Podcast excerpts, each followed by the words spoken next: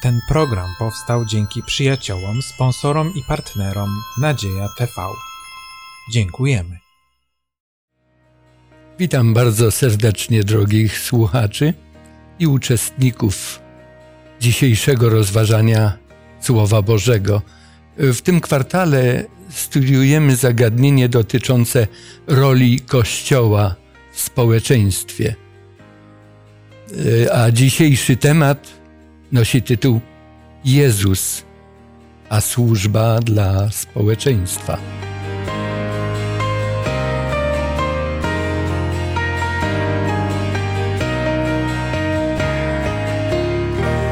Razem ze mną w studio jest Ania, Zbyszek, Grzegorz, a moje imię to Władysław. Chcemy, tak jak wcześniej wspomniałem, studiować Słowo Boże, a więc poprośmy Boga w modlitwie o Jego obecność i błogosławieństwo. Panie Boże, prosimy Cię o błogosławieństwo dla tego studium, dla tej lekcji, abyśmy mogli wyciągnąć jak najlepsze wnioski dla nas, dla naszego życia, abyśmy mogli być zbudowani nie tylko my, ale ci, którzy nas słuchają. Prosimy Cię, Panie Boże, o mądrość do naszych wypowiedzi. Niech Twoje imię będzie uwielbione. Tobie niech będzie cześć i chwała, a nam pożytek z tego, co możemy wyciągnąć z tego studium i z całej tej lekcji, tego kwartału.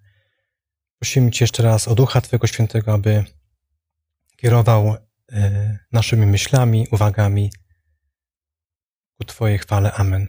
Amen. Amen. Dwa poprzednie spotkania dotyczyły e, rad i roli Kościoła Bożego w Starym Testamencie w służbie społeczeństwu, w którym ten Kościół funkcjonował. E, wiemy, wszyscy, którzy czytają Pismo Święte, że tym, który w Starym Testamencie prowadził naród izraelski, który uczył ich zasad życia i postępowania, był Jezus Chrystus. On był nazwany tą opoką, która prowadziła starotestamentowy Izrael. I e, nadszedł taki czas, że ten, który pouczał, jak należy odnosić się do społeczeństwa, jak się zachować, przyszedł na ten świat w postaci ludzkiej, przyjął człowieczeństwo. I Jezus Chrystus, Anglicy mają takie powiedzenie: practice what you preach. A więc żyj według tego, czego nauczasz co przekazujesz. Jezus Chrystus w Starym Testamencie przekazywał tę wiedzę, a teraz jako Syn Człowieczy ukazuje się nam, jak On się odnosi do ludzi, z którymi żył na tej ziemi w swoim czasie. E, co mówi nam Nowy Testament? O Jezusie. Wiemy, że został ochrzczony w Jordanie przez Jana Chrzciciela, a e, następnie przeniósł się do Galilei. Ten chrzest odbył się w Judei, w Jordanie. E, gdy jest w Galilei, tam było też miasteczko, w którym się wychował, w którym dojrzewał, Nazaret, udał się do synagogi, jak zwykł to zawsze czynić, i podano mu zwój Izajasza proroka. Przeczytajmy sprawozdanie Łukasza na ten temat. Y, to jest czwarty rozdział Ewangelii Łukasza i tutaj będziemy chcieli przeczytać wiersze od 16 do 19. I przyszedł do Nazaretu, gdzie się wychowywał, i wszedł według zwyczaju swego w dzień sabatu do synagogi i powstał, aby czytać.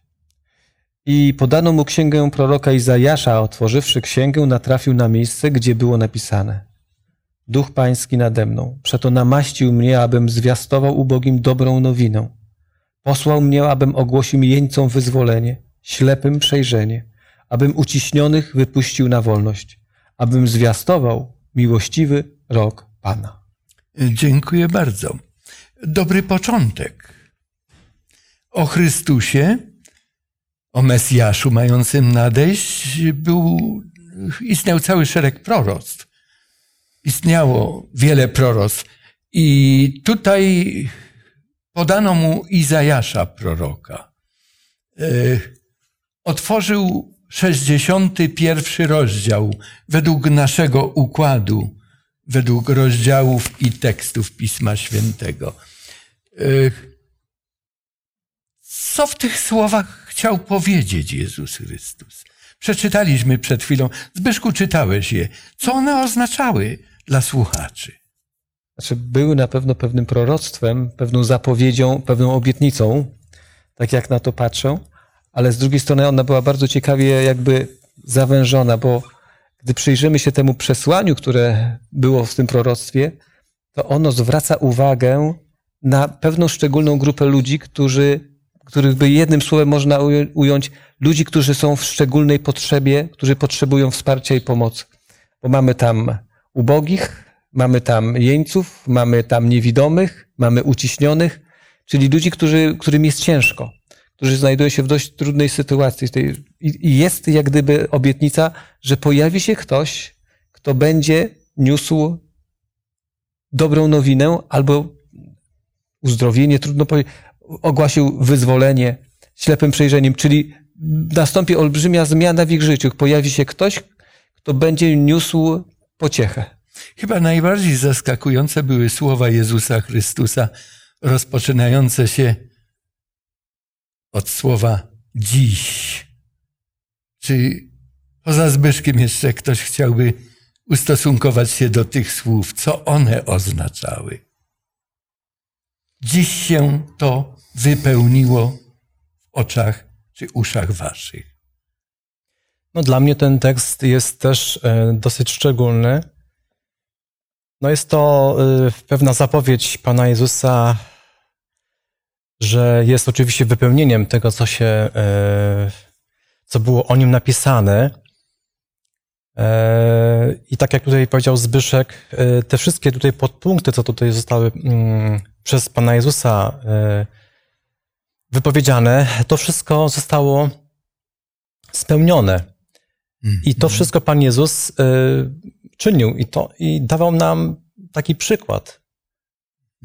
Żebyśmy... Y, Ania chciała coś Tak, powiedzieć? słowo dziś to znaczy, że to nie jest tylko teoria, dzisiaj to już jest praktyczne. Mhm. Praktyczna lekcja, jak to, jak wyglądała teoria wcześniej. Bo czy to słowo dziś określało datę określoną? Dzisiaj Nie. jest sabat i w, w synagodze wam to mówię. Dziś się to stało. Czy dziś ma szersze znaczenie? Dziś to, ta, to okres misji, którą Chrystus miał na ziemi. To jest bardzo ważne. To nie był zryw. To nie było coś na pokaz.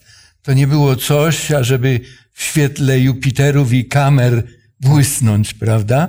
Nie, Jezus Chrystus przyszedł i to zadeklarował, że rozpoczyna się realizacja tego proroctwa. Jezus Chrystus nie odniósł się do całego proroctwa. Pamiętacie, jak dokończenie tego tekstu Izajaszowego brzmiało? Abym ogłosił rok łaski Pana i dzień pomsty naszego Boga. Chrystus celowo to pominął, czy zapomniał, nie doczytał? Ja myślę, że to było celowe działanie, że zostawił y, tą część wersetu, dlatego że mm, ta misja, którą miał wykonać, w pierwszej kolejności to była y, skierowana mm, pomoc y, uciśnionym. Natomiast mógł być odebrany przez naród izraelski jako ten, który ma y, spod jarzma rzymskiego uwolnić. E, Ale Chrystus nie przyszedł po to, żeby walczyć. Przyjście Chrystusa nie było politycznym przyjście. Jest bardzo ciekawe, że prorocy starotestamentowi nieraz, gdy zapowiadali misję Mesjasza, to nie rozgraniczali pomiędzy tym, co on uczyni jako y, baranek Boży tutaj na tej ziemi, jako syn człowieczy, a tym, co uczyni jako król królów i pan panów. Łączyli to razem. Chrystus wyraźnie przerwał czytanie tekstu, mówi, tam to jest dopiero w swoim czasie, nie teraz, nie teraz. Y, czy Chrystus rzeczywiście rozpoczął taką działalność? Czy inni ewangeliści też coś na ten temat napisali? Ja proponuję, Aniu, gdybyś odszukała y, z Ewangelii Mateusza z piątego rozdziału, y, teksty od 43, przepraszam, od piąty rozdział Ewangelii Czwarty. Mateusz, czwarty rozdział, Czwarty. tak. To ty lepiej wiesz jak ja. Proszę bardzo, przeczytaj nam, powiedz dokładnie, gdzie to napisane. W czwartym rozdziale Mateusza, wiersze od 13 do 16 i myślę, że jeszcze dobrze jest odczytać wiersz 23. I opuściwszy Nazaret, przyszedł i zamieszkał w Kapernaum, nad morzem na pograniczu krain Zebulona i Naftalego, aby się wypełniło, co było powiedziane przez proroka Izajasza, mówiącego Ziemia Zebulona i ziemia Naftalego wzdłuż drogi morskiej za Jordanię, Galilea Pogan. Lud pogrążony w mroku ujrzał światłość wielką i tych, i tym, którzy siedzieli w krainie i w cieniu śmierci, rozbłysła jasność. I obchodził Jezus całą Galileję, nauczając w ich synagogach i głosząc Ewangelię o Królestwie i uzdrawiając wszelką chorobę i wszelką niemoc wśród ludu. Dziękuję bardzo. E, Galileja Pogan. Dlaczego tak nazywano tę półno- północną część Palestyny? Kto tam zamieszkiwał? No, lud pogrążony w ciemności. To pewnie e, jest wynikiem e, oczywiście wcześniejszych wydarzeń, kiedy, e, kiedy w ogóle naród się podzielił na, tą, na te mm, pokolenia. I, I tam właśnie zamieszkiwali ci, którzy oczywiście od Boga odstąpili, od, od, od prawdy i, i stąd nazwana jest właśnie Galileą Pogan. Oni byli dosyć odgrodzeni od Jerozolimy, od świątyni, od Judei, bo dalej na północ od Judei była Samaria. Ten naród był w ogóle dziwnie traktowany przez Izraelitów. Niedopuszczani byli do, i i odmawiano im prawa przynależne no, no, chwalcom Boga. A jeszcze dalej na północ byli Galilejczycy. Oni tam mieli synagogi, przecież tam był Nazaret, tam było miasto Kafarnaum.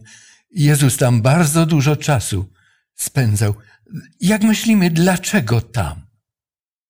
że z czysto ludzkiego punktu widzenia powiedziałbym, że lubimy być w miejscach, gdzie jesteśmy przyjmowani, gdzie jesteśmy w jakimś stopniu akceptowani, a nie odrzucani, czy prześladowani, czy jak gdyby ciągle oskarżani, czy patrzy na nas się w niewłaściwym, jak, jak gdyby w niewłaściwym świetle.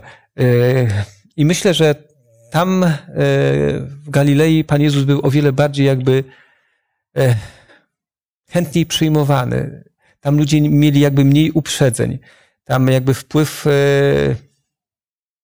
rządzących czy władających w zasadzie Iz- Izraelem wtedy kapłanów czy rządzących był jakby w mniejszym stopniu e, oddziaływał niż to, co widzimy później, na przykład to, co się dzieje w Jerozolimie, jak to się zakończyło. Ale patrząc od tej strony, wydaje mi się, ci ludzie byli bardziej otwarci i gotowi i chętniej przyjmowali Pana Jezusa niż e, Izrael, który zamieszkiwał okolice, okolice Judy.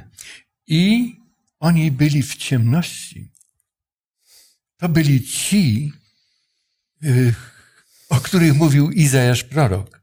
To byli ci, do których nawiązał Chrystus w synagodze w Nazarecie, aczkolwiek Nazaret był miastem, które odrzucił zdecydowanie Jezusa Chrystusa. E, w wierszu 23 Ania przeczytała, tu w Ewangelii Mateusza w czwartym rozdziale, słowa, nad którymi chciałbym, byśmy się chwileczkę zatrzymali. Co Chrystus czynił? Bo ten wiersz 23 nam jak gdyby sumuje całą działalność Jezusa Chrystusa. Aniu, przeczytasz jeszcze raz? I obchodził Jezus całą Galileę, nauczając w ich synagogach i głosząc Ewangelię o Królestwie i uzdrawiając wszelką chorobę i wszelką niemoc wśród ludu. A więc co Chrystus czynił? Tam są wymienione te rzeczy. Pierwsze, Nauczał, tak? głosił Ewangelię, Mhm, uzdrawiał, mhm. czyli zarówno leczył duchowo i cieleśnie. Aha. Pierwsze było wymienione, obchodził całą tę krainę. On docierał do tych ludzi. On nie miał gabinetu ani biura i godzin przyjmowania. Prawda? On szedł tam, gdzie ludzie byli w potrzebie. A więc ten, który w Starym Testamencie zalecał swojemu ludowi, aby tak odnosił się do przychodniów, do obcych, do tych, którzy chcą z nimi tam przebywać. On to sam czyni. A gdy ich nie ma, on ich szuka. Ech, Dlaczego ich szukał? Co, co było siłą motoryczną, y, co mu kazało iść za tymi ludźmi i szukać ich? Na pewno miłość przede wszystkim. Oczywiście. Takie proste pytanie zada- zadałem i to jest prawda miłość. Kogo Chrystus w Starym Testamencie nakłaniał, aby miłować innych ludzi? Znaczy, może- Swój naród. Miłować Swój braci lud. swoich. Aby miłowali swoich braci. Kogo jeszcze? Również e, właśnie przybyszów, e, właśnie Obcych przychodniów obcych, którzy, również, którzy tak. Czy przychodzili. to dobrze wychodziło narodowi izraelskiemu? Nie do końca, nie do końca. Trudno było miłować tych ludzi, bo te okoliczne narody czyhały na naród izraelski, często atakowały ten naród izraelski. I jak tutaj miłować bliźniego? Gdy Chrystus przyszedł, zbliżył się kiedyś do niego jeden z nauczonych w piśmie. Troszeczkę podstępnie to nam ewangelista odnotowuje i zadał Jezusowi pytanie, ale chyba wczytując się w ten kontekst sytuacyjny, to było pytanie, którego na pewno nurtowało. Tak, to było pytanie. Kto jest moim bliźnim? A przedtem Mhm. właściwie chciał wiedzieć, co ma zrobić, ażeby mieć życie wieczne. Tak. I na to pierwsze pytanie, co mam czynić, aby mieć życie wieczne, co mu Chrystus odpowiedział? Wobec tego bardzo proszę, przeczytajmy z dziesiątego rozdziału Ewangelii Łukasza teksty od y, 25 do 37. Dosyć długi pasaż, ale trzeba nam go przeczytać. A oto pewien uczony w zakonie wystąpił i wystawiając go na próbę, rzekł: Nauczycielu, co mam czynić, aby dostąpić żywota wiecznego? On zaś rzekł do niego: Co napisano w zakonie? Jak czytasz? A ten odpowiadając, rzekł: Będziesz miłował Pana Boga swego z całego serca swego, z całej duszy swojej, i z całej myśli swojej, i z całej siły swojej, a bliźniego swego jak siebie samego. Dziękuję bardzo. Tutaj przerwiemy na chwilę. Y, I mam w związku z tym pytanie, z tym, co już zostało przeczytane. Y, Do jakich przykazań, do jakiego zakonu odwołał się i Chrystus, i ten człowiek? Byli zgodni w tym, w tej mierze. Jezus e, odwołał się do, do e, zakonu moralnego e, na temat miłowania bliźnich. Widocznie ta osoba miała z tym problem. Ale czy ta osoba znała ten zakon? Może znała, ale to jest. No był nauczonym w piśmie. Ale wiadomo, że znać, a wykonywać to już. Rozumiem. Jest... Dlatego pytałem o znajomość, nie tyle o praktyczne wyżywanie tego. A więc znała to. Y, Skąd to przykazanie się nam tutaj pojawia? Chrystus pyta go, w zakonie co czytasz? O czym mówią? Jest to na kontynuacja Starego Przymierza. Starego Przymierza, Stary Testament. A więc popatrzmy, nic się nie zmieniło, gdy Chrystus przyszedł. Te przykazania miłości, które w Starym Testamencie przekazywał narodowi Izraelowi, y, izraelskiemu, teraz o nich rozmawia z tym nauczonym. No a więc już są zgodni. Y, Trzeba zachować te przykazania. Pojawia się problem. Ten człowiek ma widoczny problem. Jaki? Zadaje kolejne pytanie. Możesz kontynuować? On zaś, chcąc się usprawiedliwić, rzekł do Jezusa: A kto jest bliźnim moim? A Jezus, nawiązując do tego, rzekł: Pewien człowiek szedł z Jerozolimy do Jericha i wpadł w ręce zbójców, którzy go obrabowali, poranili i odeszli, zostawiając go na pół umarłego. Przypadkiem szedł tą drogą jakiś kapłan i zobaczywszy go, przeszedł mimo. Podobnie i Lewita, gdy przyszedł na to miejsce i zobaczył go, przeszedł pomimo. Pewien Samarytanin zaś, podróżując tędy, podjechał do niego i ujrzawszy, ulitował się nad nim i podszedłszy opatrzył rany jego, zalewając je oliwą i winem.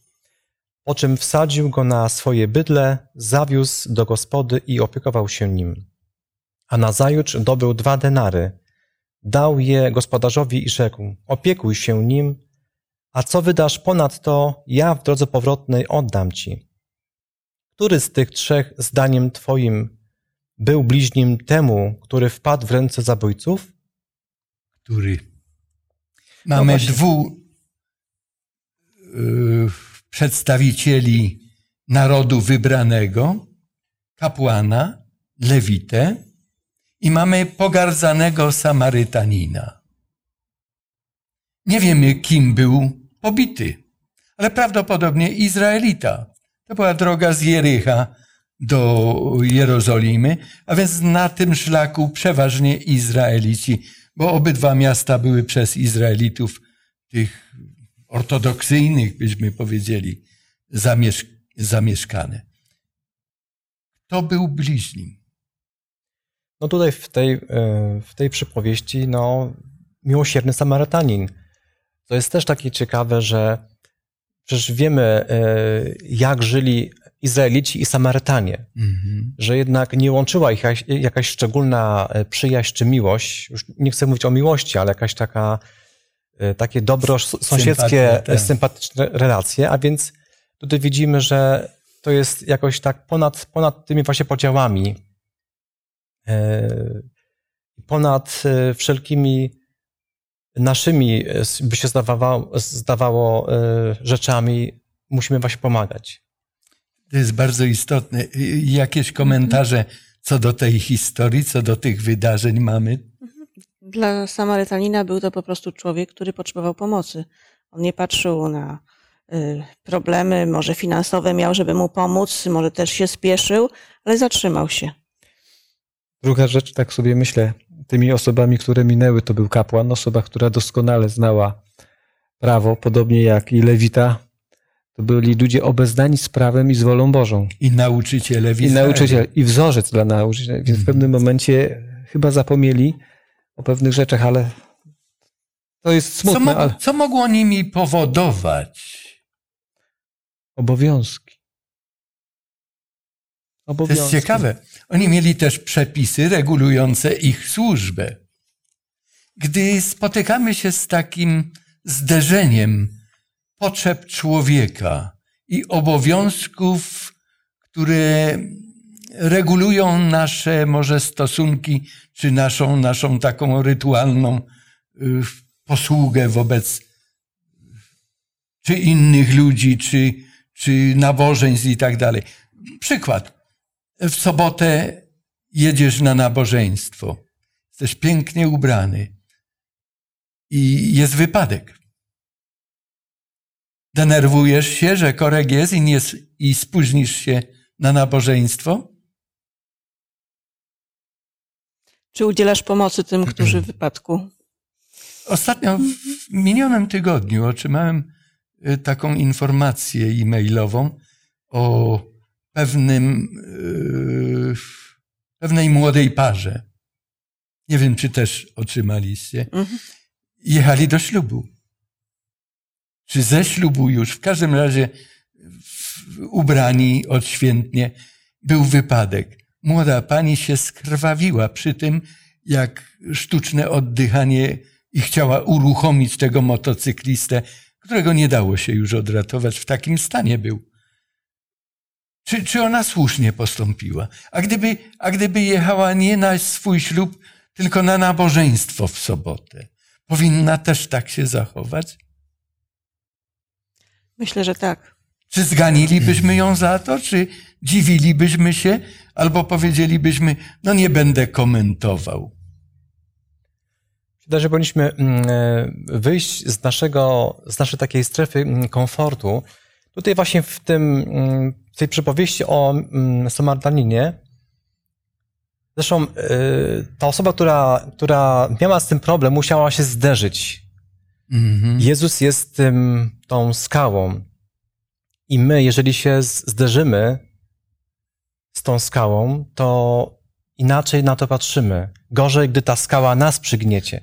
Ale my się musimy zderzyć, żeby nam się otworzyły oczy, że powinniśmy wyjść z, naszego, z naszej strefy mm, komfortu i Mhm. pomóc mm, w Mhm. takich nawet sytuacjach trudnych, które wymagają. Czy zauważyliście, gdy Chrystus zapytał tego nauczonego w piśmie, no i twoim zdaniem, który okazał się bliźnim dla tego pobitego?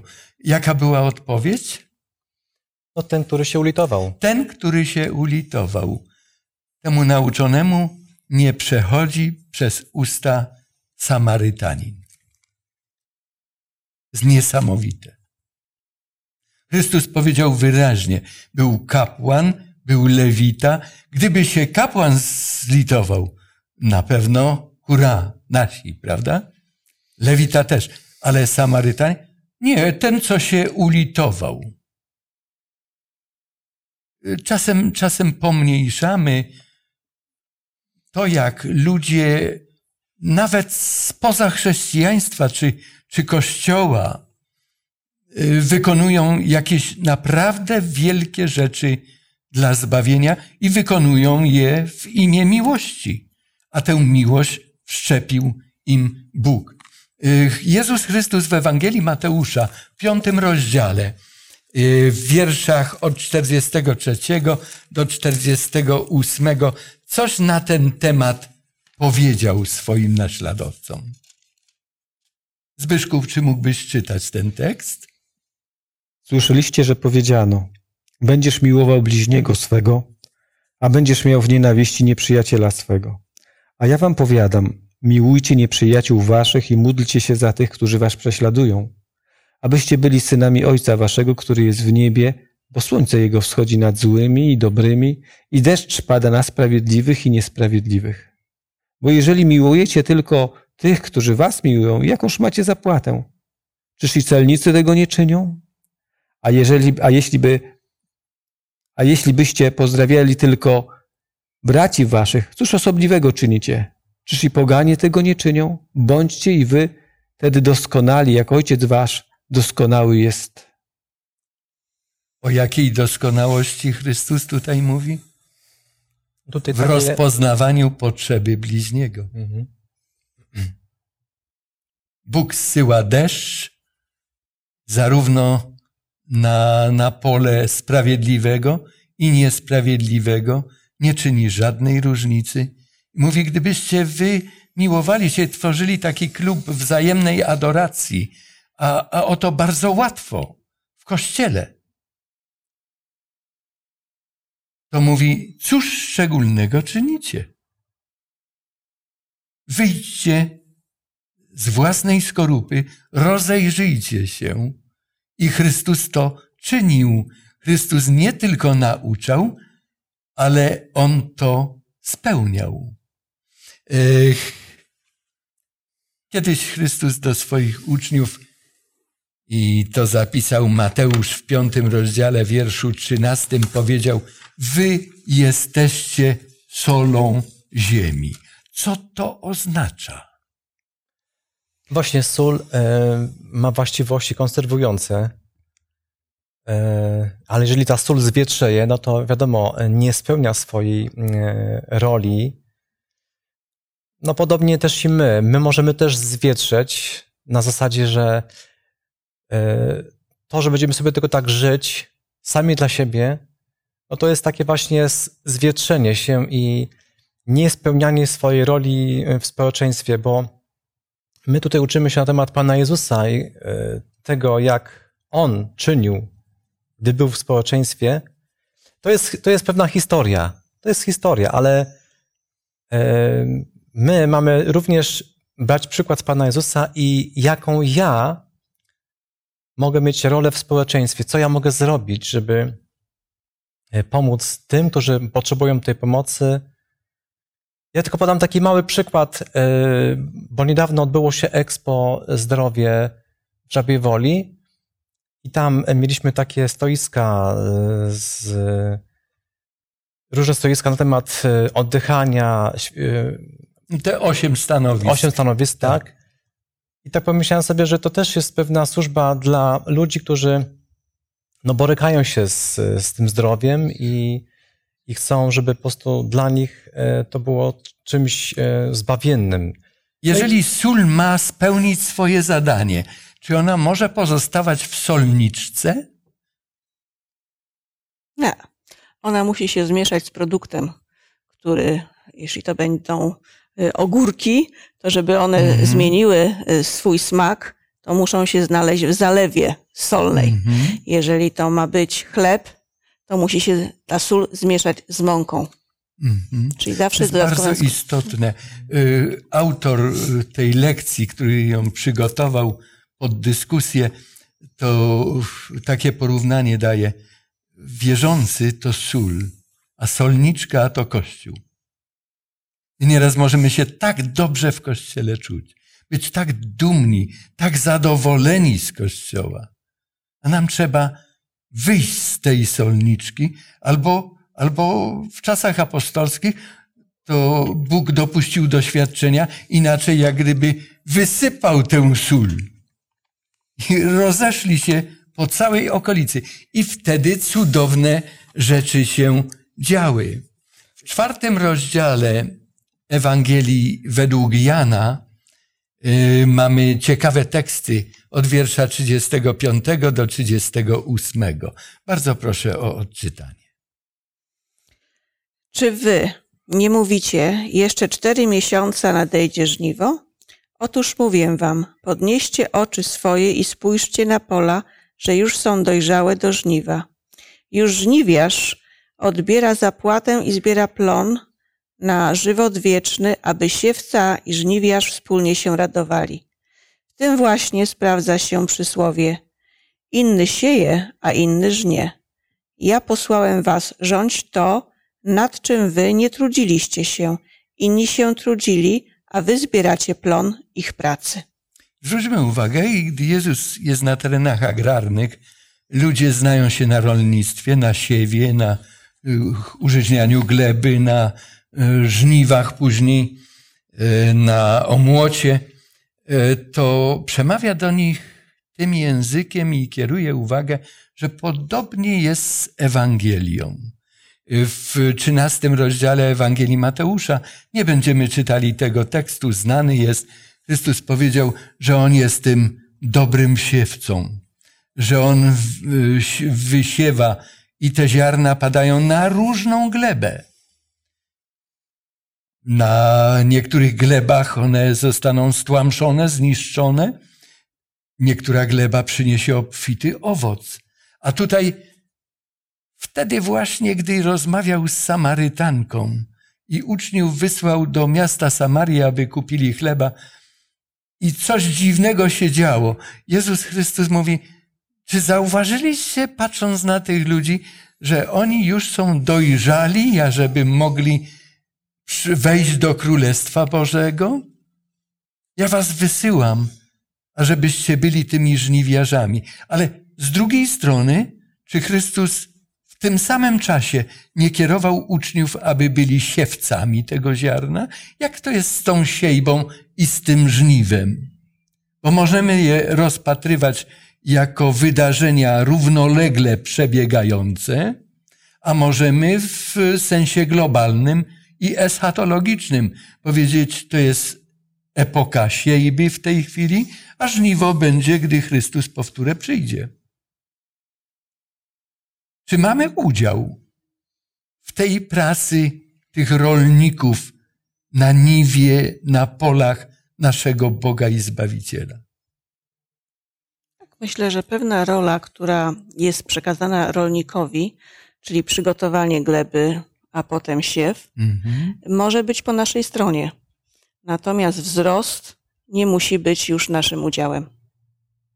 Apostoł Paweł, pisząc list do Koryntian, też pominiemy czytanie tego tekstu, ale znany, bardzo dobrze znany tekst, gdy Koryntianie podzielili się na frakcje. Jedni byli zwolennikami Kefasa, inni Apolosa, inni Pawła. Apostoł Paweł zwraca uwagę, mówi, a kim jest Apollos? Kim jest Paweł? Jesteśmy tylko sługami. Wy jesteście Bożą rolą. Ja siałem, Apolos podlewał, a więc wzmacniał to, co rodziło się z tego zasiewu, ale wzrost to może dać tylko Bóg. I tutaj na tej ziemi mieliśmy tego, który daje wzrost Jezusa Chrystusa. To był wielki przywilej dla uczniów, że oni mogli nie tylko kazać te Ewangelie, nie tylko cieszyć się z nawróceń ludzi, ale mogli również i zakładać pierwsze społeczności chrześcijańskie, gdy Chrystus już pozostawił ich samych na tej ziemi. On ich tego nauczył. Z Ewangelii Mateusza z dziesiątego rozdziału pierwsze y, teksty od piątego do dziesiątego. Proszę, aby może Zbyszek przeczytał dobrze. Ewangelia Mateusza, dziesiąty rozdział, teksty od piątego do dziesiątego. Tych dwunastu posłał Jezus, rozkazując im i mówiąc: Na drogę pogan nie wkraczajcie, do miasta Samarytan nie wchodźcie, ale raczej idźcie do owiec, które zginęły z domu Izraela a idąc głoście wieść. Przybliżyło się królestwo niebios. Chorych uzdrawiajcie, umarłych wskrzeszajcie, trędowatych oczyszczajcie, demony wyganiajcie. Darmo wzięliście, darmo dawajcie. Nie miejcie w trzosach swoich złota, ani srebra, ani miedzi, ani torby podróżnej, ani dwu sukien, ani sandałów, ani laski, albowiem godzin jest robotnik wyżywienia swego. To jest bardzo ciekawy tekst. E, Jezus Chrystus im powiedział, co mają zabrać, jak się przygotować, o co się nie martwić. Czy e, te wskazówki Chrystusa są nadal aktualne? Tak, w naszym kościele tak właśnie jest. Mhm. I tak było w, w pierwszym kościele wczesnochrześcijańskim, kiedy apostołowie nie mieli Y, wynagrodzenia za czynności, które wykonywali. Mhm. Natomiast y, tam, gdzie poszli, tam byli przyjmowani, y, tam mogli się spodziewać poczęstunku, tam mogli się spodziewać noclegu. Mhm. A więc Bóg się o to troszczył. Gdy dzisiaj jakiś projekt misyjny zakładamy, od czego zaczynamy? No, często robimy kosztorys. Budżet. Co nam trzeba zrobić? Ile to będzie kosztować? Skąd te środki wziąć? Czy lewa równa się prawej? E, to jest, no ktoś by powiedział, w takiej epoce jesteśmy. E, powiem wam szczerze, że, że w misji Kościoła tym roku to jest 50 mój rok. Jeszcze nigdy nie narzekałem ani nie widziałem potrzeb finansowych niezaspokojonych. A naprawdę nieraz to nas przerastało, cośmy zamierzali. Pieniądze się zjawiały zawsze i, i wielokrotnie mówiłem moim przyjaciołom, współpracownikom, kolegom, studentom jeszcze w szkole, nie martw się o pieniądze. Najważniejsze jest nasze zaangażowanie, nasze umiłowanie sprawy. Jeżeli to zaistnieje, Bóg szuka człowieka, nie pieniędzy. Pieniądze Bóg ma. Znamy takie teksty: Moje jest srebro, moje złoto, mój wszelki zwierz na polach. A więc, a więc popatrzmy, z kim mamy do czynienia. Czy, nie wiem, czy ktoś będzie miał ochotę zweryfikować podejście, jeżeli by okazało się, że jest nie takie, jak Chrystus nam zalecił. Być może tamci ludzie, gdy słuchali apostołów, to wiedzieli, że godzien robotnik zapłaty swojej. To dali mu też jeść. Gdyby mówił coś od rzeczy, albo coś, co by, co by nie było balsamem dla ich serc i nadzieją na przyszłość, nie wiem, czy by nie wrócił głodny. I wtedy sam by się martwił o to, jaką kolację zjeść. Co myślicie na ten temat? Króciutkie myśli, którymi chcielibyśmy zakończyć nasze studium. Znaczy, myślę, że też mieć trzeba świadomość czasów i praw, które w tamtym czasie panowały. Y, Nawet dzisiaj, gdyby ktoś się udał do krajów Bliskiego Wschodu, kiedy ktoś wchodzi, staje się gościem, ten gość jest szczególną osobą, należy jej się szacunek, wyżywienie i tak dalej, więc to było w tamtej kulturze kiedyś. Czasy się troszkę zmieniły. Dzisiaj, jak zapukamy, nikt nas chętnie nie przyjmie, więc tutaj troszkę sytuacja wygląda inaczej. Więc myślę, że ja bym podszedł. Dzisiaj chyba Pan Jezus by zmienił troszkę tą formułkę, e, więc trudno mi jest powiedzieć, jak by to zmienił, ale myślę, że tak. Ale mówię, w kulturze ludów Bliskiego Wschodu, e, począwszy od Abrahama, mamy te przykłady gościnności, otwartości, e, a nie podejrzliwości, którą obecnie mamy. Więc myślę, że dzisiaj troszeczkę czasy są odmienne, ale zasada pozostaje jakby inna, którą tu Pan Jezus chciał powiedzieć. Ufaj mi, zaufaj mi. Po prostu ja jestem obok Ciebie, to będę, będę Ci towarzyszył i rozwiążę to w jakikolwiek inny sposób, ale po prostu nie trosz się, nie, nie zaprzątaj sobie myślami tymi rzeczami, które tak naprawdę nie odgrywają tak dużej roli. Mhm. Jakby odsuń tę myśl, a po prostu zobacz moje działanie. I na to bym bardziej zwrócił uwagę. Dziękuję bardzo. Grzegorzu? Właśnie no, ten przykład, y, właśnie mówił Zbyszek o tej gościnności. Mo- możemy się znaleźć w, różnej, w różnych sytuacjach, nie zawsze dobrych i nie zawsze takich mm, komfortowych dla nas, ale nie powinniśmy się zrażać tym, ale mm, Bogu zaufać, że Pan Bóg na pewno ma coś w zanadrzu i chce nam, albo nam da jakąś osobę. Zresztą jak ja sięgam pamięcią, to zawsze gdy, gdy się chodziło z, z ulotkami od domu do domu, a było różnie, ale gdzieś zawsze ja- jakaś osoba była e, wśród tych osób, które nie zawsze były dla nas e, miłe i uprzejme, były też osoby, które po prostu wspierały nas na duchu, a więc e, mi się wydaje, że Bóg też posyła takie osoby, żeby też wesprzeć. Aniu, czy ty chciałabyś? I tak, właśnie myślę, że jest, żyję w takim środowisku, gdzie mąż pracował w kościele, gdzie zięć pracuje w kościele i wielokrotnie jako młodzi ludzie, którzy, mówię tutaj o córce i e, o Marku, którzy wchodzili w życie, mm, gdzie ich rówieśnicy, gu- gdzie celem ich rówieśników to było zdobywanie majątku. A ja mówię, nie liczcie, że będzie majątek w kościele, ale takie błogosławieństwo, jak będziecie mieli w pracy w kościele, to jest dwa razy większe niż pełne y, banki pieniędzy. Mhm. Przyznają mi rację, a ja wiem, że mi też nigdy nie zabrakło. Bóg zawsze dał tyle, ile trzeba. To jest, jest cudowne. Ja sądzę, że tego trzeba doświadczyć, y, bo wszelkie opowiadania na ten temat y, różnie, różnie y, słuchacz to odbierze, ale ktoś, kto tego doświadczył, ktoś, kto to przeżył, nie mamy czasu na opowiadanie doświadczeń w tej chwili, ale muszę Wam powiedzieć, że gdy przyszedłem do kościoła, to zrezygnowałem z pensji 2,5 tysiąca, wydałem wszystkie oszczędności na szkołę, a później otrzymałem pensję 904 zł.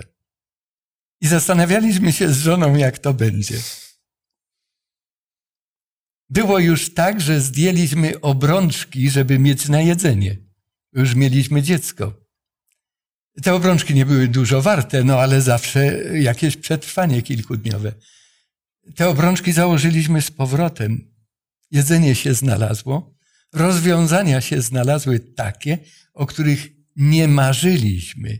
I do dzisiejszego dnia, do dzisiejszego dnia jestem zaskakiwany raz za razem przez Boga, jak cudownie zaspokaja i zabezpiecza to wszystko, co dla Jego chwały chcemy uczynić. Ja zachęciłbym każdego słuchacza, obserwatora, każdego, kto brał udział z nami w tej rozmowie, e, to znaczy biernie, ale, ale zapewne macie swoje przemyślenia. Doświadczmy naszego Boga i zobaczmy, że jest cudowny, bo takim On naprawdę jest. Podziękujemy Bogu również i za to nasze wspólne rozważanie. Dziękujemy Ci, Panie Boże, za tą chwilę, kiedy mogliśmy pochylić się nad Twoim słowem, gdzie Twoje życie, Twój y, każdy dzień, który poświęciłeś, spacerując po ziemi, nie był tylko dla Ciebie, ale poświęciłeś to dla nas, dla ludzi, dla tych, których bardzo ukochałeś. Dziękujemy Ci, Panie Boże, za to i prosimy, abyś zmieniał i nasze życie, abyśmy w ten sposób mogli pomagać innym, żebyśmy widzieli potrzebę innego człowieka, żeby nasz zwrok nie oddalał się, żeby czynności, którymi się każdego dnia zajmujemy, nie przyćmiły tego, co jest najważniejsze. A najważniejszy jest człowiek, ten, który żyje koło nas. Czasami dobra rada, czasami tylko uścisk wystarczy. Wyposaż nas, Panie, w te Twoje umiejętności. O to proszę w imieniu Pana naszego, Jezusa Chrystusa. Amen. Amen. Amen. Rozstajemy się z naszymi drogimi słuchaczami i zapraszamy Was na kolejne studium za tydzień. Niech Bóg błogosławi nas wszystkich i starajmy się rozejrzeć wokół siebie, aby zobaczyć bliźnich, aby zobaczyć środowisko, które potrzebuje soli, światłości, abyśmy umieli być bliźnimi dla tych, którzy tego potrzebują.